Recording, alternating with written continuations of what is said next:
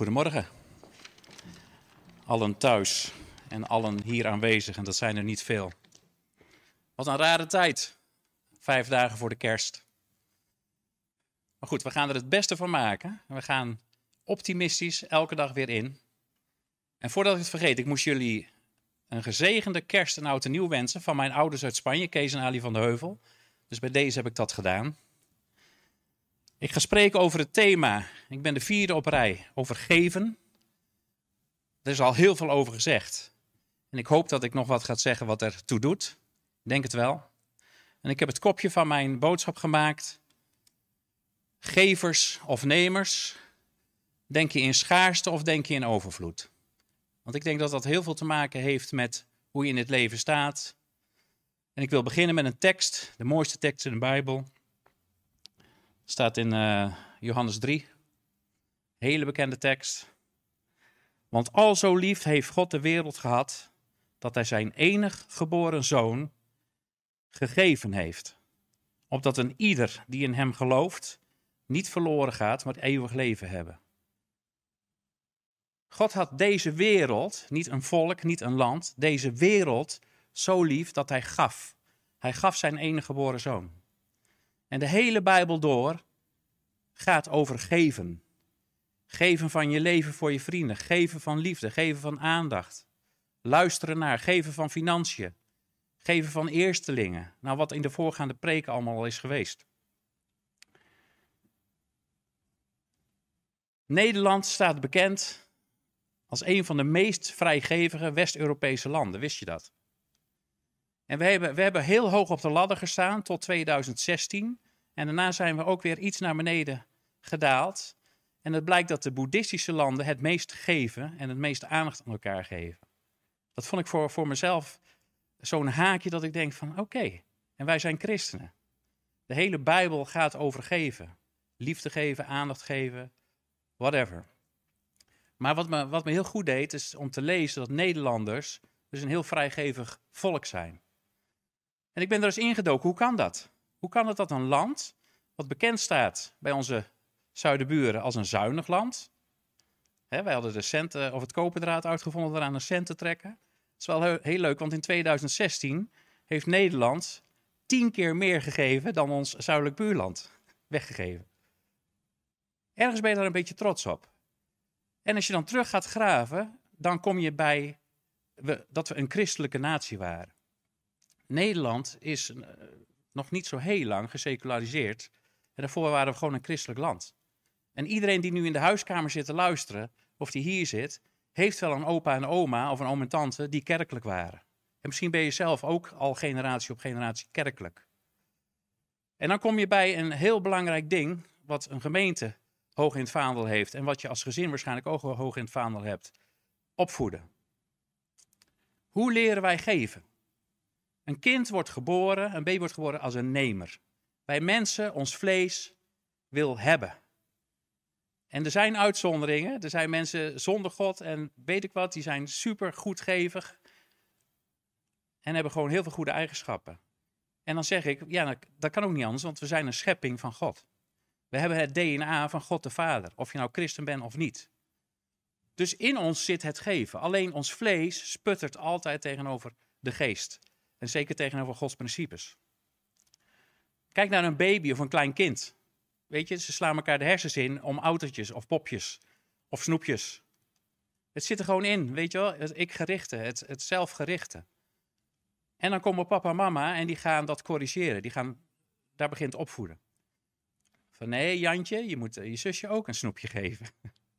Of mag Marietje nu ook even met die poppen spelen? Weet je, en we hebben daar soms een beloningssysteem in. Want eigenlijk willen we dat onze kinderen vrijgevig worden.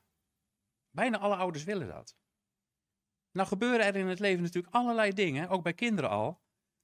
Uh, je komt in situaties waarin je teleurgesteld wordt als je iemand wat hebt gegeven en je krijgt nooit wat terug. Of iemand doet je pijn op een andere manier. Of je hebt een tekort aan aandacht gehad. Of een tekort aan liefde gehad. Het zijn allemaal dingen die het geven in de weg gaan staan op latere leeftijd. Kijk, we zijn geschapen om te geven, om de goede werken Gods te doen. Ik zal gelijk nog een tekst erachteraan gooien. En God is bij macht. Dat staat in 2 Korintiërs.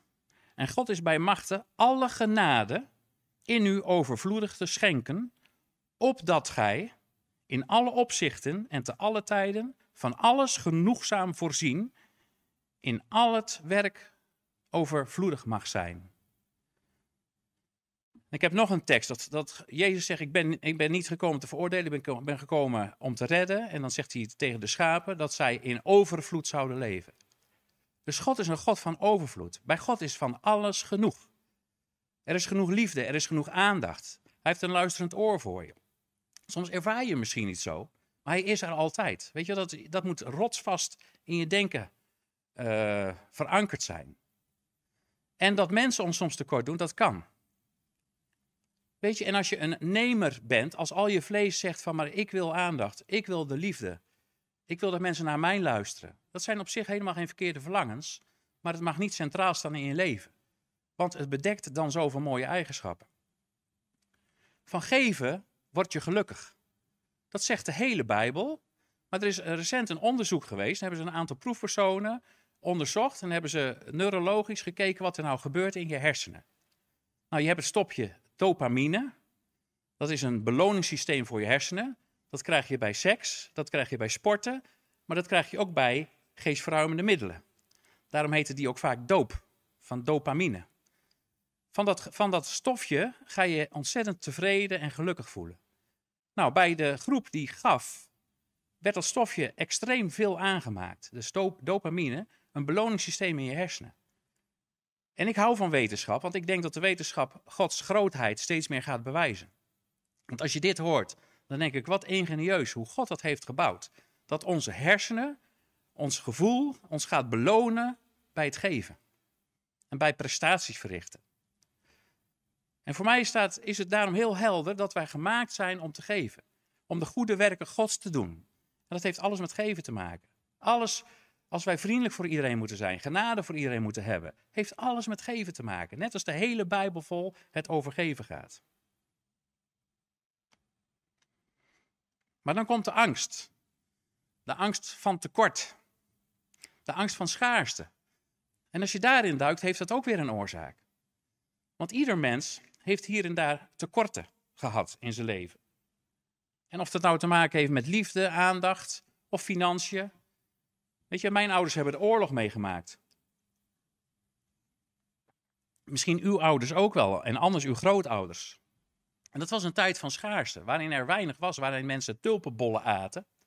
Het schijnt trouwens nog lekker te zijn ook. Je hebt er ook heel lekker bier van, heb ik me laten vertellen. Ik heb een zwager die zit in de tulpen. Maar tulpenbollen stond toen voor armoede. Die mensen hebben dat meegemaakt en dat, dat geeft schade. Dat geeft iets van tekortdenken. We hebben tekort, dus we moeten eerst, eerst goed voor onszelf zorgen. En dat, dat vertaalde zich ook naar aandacht en liefde. Ik bedoel, drie, vier generaties geleden hadden kinderen een hele andere opvoeding als tegenwoordig. Wij willen kinderen nu, we willen bijna vriendjes zijn van onze kinderen. En dat kan niet, want we moeten ze ook opvoeden. Maar er is ook een tijd geweest, daar was er zo'n afstand emotioneel gezien. Er werd bijna niet geknuffeld of gekroeld. Of gezegd hoe goed je was. Of de papa tegen zijn dochter zei hoe mooi ze waren. Weet je, dat, er zijn tijden geweest, en dat is pas twee, drie generaties geleden, en er zullen absoluut uitzonderingen zijn geweest, waarin mensen tekort hadden. En dat heeft zich in ons denken, in ons DNA bijna vastgezet als schaarste denken. En dan krijgen we het Calvinisme. Het Calvinisme was een leer van soberheid, van eerlijk zijn, van zuinig zijn. En niet te uitbundig leven en niet te luxe leven. En zeg ik dat het wel moet? Ik zeg, ik zeg niks. Dat mag je zelf bepalen en besluiten. Maar God is een God van overvloed. En dat de een dat vertaalt naar zegeningen in het materiële en een ander naar geestelijke zegeningen. Ik denk dat het beide is. Maar God is een God van overvloed. En ons schaarste denken, wat wij van huis uit of van generaties uit hebben meegekregen, botst met het overvloedig denken. Daarom hebben wij altijd moeite met genade en met vergeven. Want wij willen best een paar keer vergeven, maar als mensen ons weer kwetsen, dan is het gewoon een keer klaar. vinden wij. Dat is ons vlees. Maar de Bijbel roept ons op om altijd 7 maal 70 keer te vergeven. Dus dat is oneindig keer te vergeven.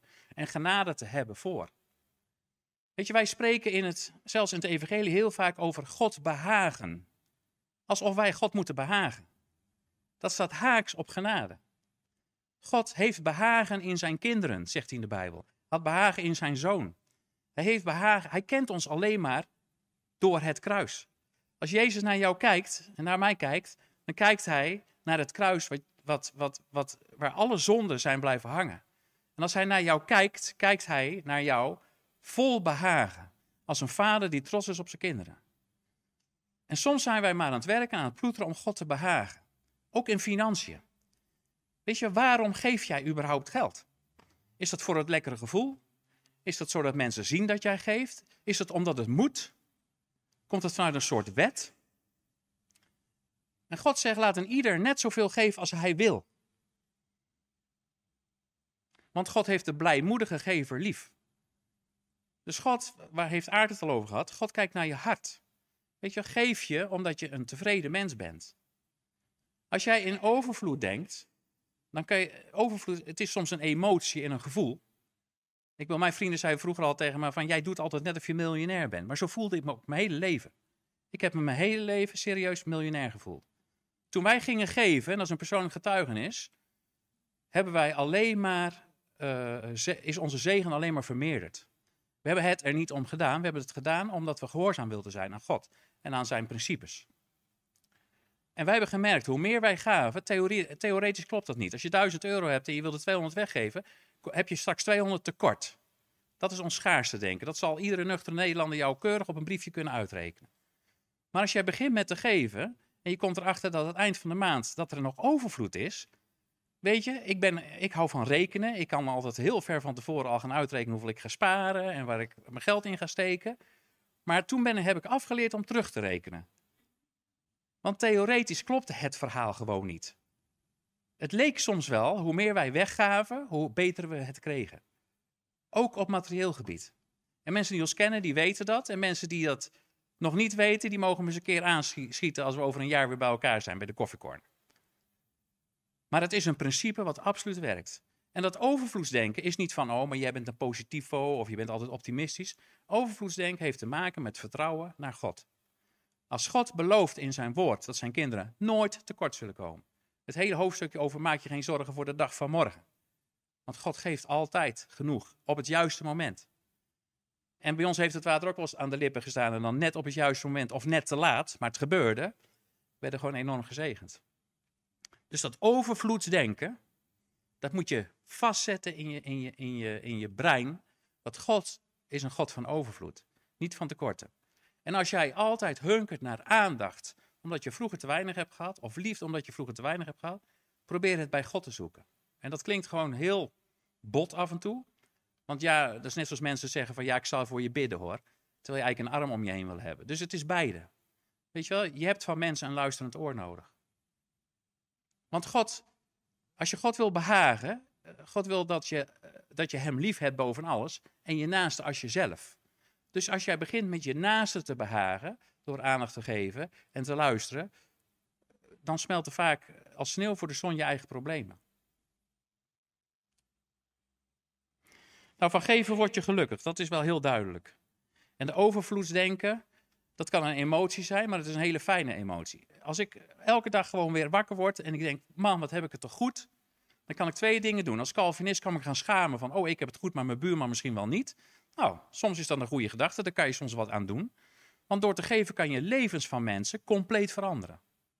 Wij, wij Connie en ik hebben eens tegen elkaar gezegd van, weet je, in wie zullen we nu eens gaan investeren? Qua tijd, aandacht, maar ook financiën. En iemands of een gezins totale leven kan veranderen. Want als iemand altijd net dat tientje tekort heeft in de maand en jij kan het oplossen, dan verandert daar alles in een gezin. De spanning gaat weg, ze krijgen weer hoop, je krijgt een vriendschap en weet je, en het voelt goed. En het is omdat je wandelt in de principes van God. Daarom heb je dat goede gevoel. Het heeft ook allemaal te maken met dankbaarheid. Weet je, ben je dankbaar voor alles wat je wel hebt? Of kijk je altijd naar de dingen die je nog niet hebt? Ook dat heeft te maken met in schaarste denken of in overvloed denken, met geven en met nemen.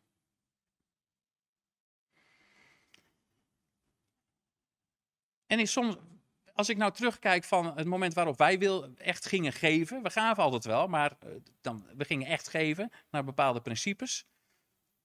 Dat ik denk, deed ik dat nou met een heel blijmoedig hart? Nee. Nee, ik deed het eigenlijk ook wel een beetje omdat uh, een, een, uh, in een conferentie ging het daarover. En ik kreeg eigenlijk een beetje een schuldgevoel. En ik deed, ik deed in mijn beleving deed ik God een beetje tekort. En misschien mensen om mij heen ook. En ik denk dat we echt begonnen, ik persoonlijk, toch wel een beetje uit schuldgevoel.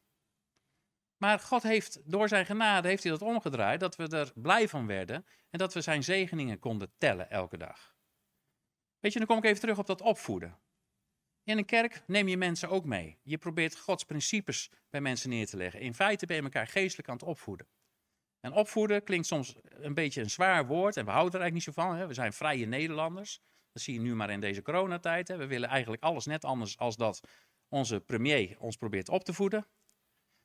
Maar naar je kinderen ook. Weet je, bepaalde principes bijbrengen is helemaal niet verkeerd. En je kan met opvoeding, met investeren in, want dat is opvoeden, kan je mensen heel veel van Gods principes meegeven, waardoor hun zegen gaan ervaren in hun leven.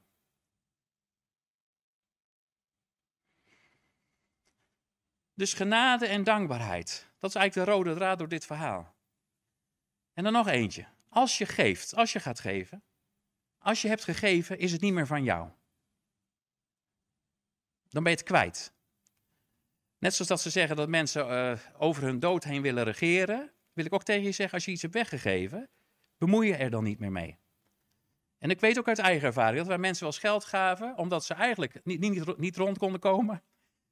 En er werd uitgegeten en er werd op vakantie gegaan. En wij zeiden tegen elkaar, dat doen we nooit meer. Nou, dat is zo typisch Calvinistisch en zo raar Nederlands. Als je iets weggeeft, ben je het kwijt. Ja, als jij iemand wil helpen, dat is net zoals als onze ongelooflijke rare redenatie als wij een zwerver op straat zien. Ja, we geven hem maar geen geld, want hij gaat te vast alcohol of drugs verkopen. Ja, natuurlijk gaat hij dat doen. Wat denk je dan? Maar dat gaat hij sowieso. En als hij het geld van jou niet krijgt, gaat hij het misschien wel stelen. Weet je, het gaat helemaal niet om wat je geeft. Het gaat om het hart wat erachter zit. Jij geeft, omdat het een principe is, met vreugde om die man blij te maken. En al koopt hij daar zijn sticky voor of zijn flesje drank voor. Dat is niet jouw verantwoording. Onze verantwoording is het geven. Ook aan organisaties. Hoe vaak hoor je, ja, dat doe ik niet meer. Er blijft zoveel aan de lijmstok hangen. En ik vraag me af of al dat geld wel daar in, uh, in Afrika terechtkomt. Weet je, dat is jouw verantwoording niet. Jouw verantwoording is geven. En ik vertelde net dat Nederland heel hoog heeft gestaan in de lijst van West-Europese landen wat geven betreft. En dat we aardig naar beneden zijn gezakt. En weet je waarom? Om de dingen die ik nu zeg. Mensen verliezen vertrouwen in waar het geld terecht gaat komen. Of dat wel goed komt. Ze verliezen vertrouwen in organisaties. En als ik naar mijn oren goed open hou in deze tijd. Ik zit nog ineens op social media, maar ik krijg daar genoeg van mee, van mee. Dan verliezen heel veel mensen momenteel hun vertrouwen. In onze overheid. Misschien wel in God. Misschien wel in elkaar of in organisaties. We krijgen veel te veel tijd om kritisch te gaan kijken en nadenken over alles wat er nu speelt in het leven. En mensen, als jij wantrouwen, die moet je echt onthouden mee naar huis nemen. Als jij wantrouwen, de deur openzet voor wantrouwen, ben je weg. Als wantrouwen binnenkomt bij jou, dan gaat het, sluipt door alles in jouw leven, sluipt het binnen. Dat kan naar je kinderen gaan, dat kan naar je partner gaan, dat kan naar vrienden gaan, dat kan naar organisaties gaan, dat kan naar je kerk gaan, kan naar de politiek, naar je leiders gaan. Als je wantrouwen toelaat. De Bijbel wil ook niet dat wij wantrouwen. De Bijbel wil dat wij bidden voor onze overheid. Dat we bidden voor elkaar. Dat we elkaar zegenen en elkaar tot zegen zijn. Dan ga ik afsluiten. Met het mooiste stukje van over God behagen. Weet je, ik geloof dat God behagen uh, oud-testamentisch denken is. Ik geloof dat wij God altijd al behagen. Door gewoon wie we zijn. Door wat je doet. Ja, maar ik maak fouten. Maar God kent jou niet naar je zonde. Lees Romeinen maar eens. Hij kent je helemaal niet naar je zonde. Hij kent je alleen door Jezus. Als zijn geliefde kind. Dus hij heeft behagen in jou. Maar wat God wel zegt. Wat je aan anderen doet, heb je aan mij gedaan. En daar ga ik mee afsluiten. Dan zegt Jezus, want ik heb honger geleden en gij hebt mij te eten gegeven. Ik heb dorst geleden en mij, je hebt me te drinken gegeven. Ik was een vreemdeling. Oh, dan ben ik kwijt. Oh nee. En gij hebt mij gehuisvest. Naakt, gij hebt mij gekleed. Ziek, gij hebt mij bezocht. Ik ben in de gevangenis geweest en gij bent tot mij gekomen. En dan zeggen de rechtvaardigen, maar Heer, wanneer hebben wij u hongerig gezien of naakt gezien of in huis gehaald? En dan zegt hij, indien gij het een van deze kleine hebt gedaan, hebt gij het mij gedaan. Amen.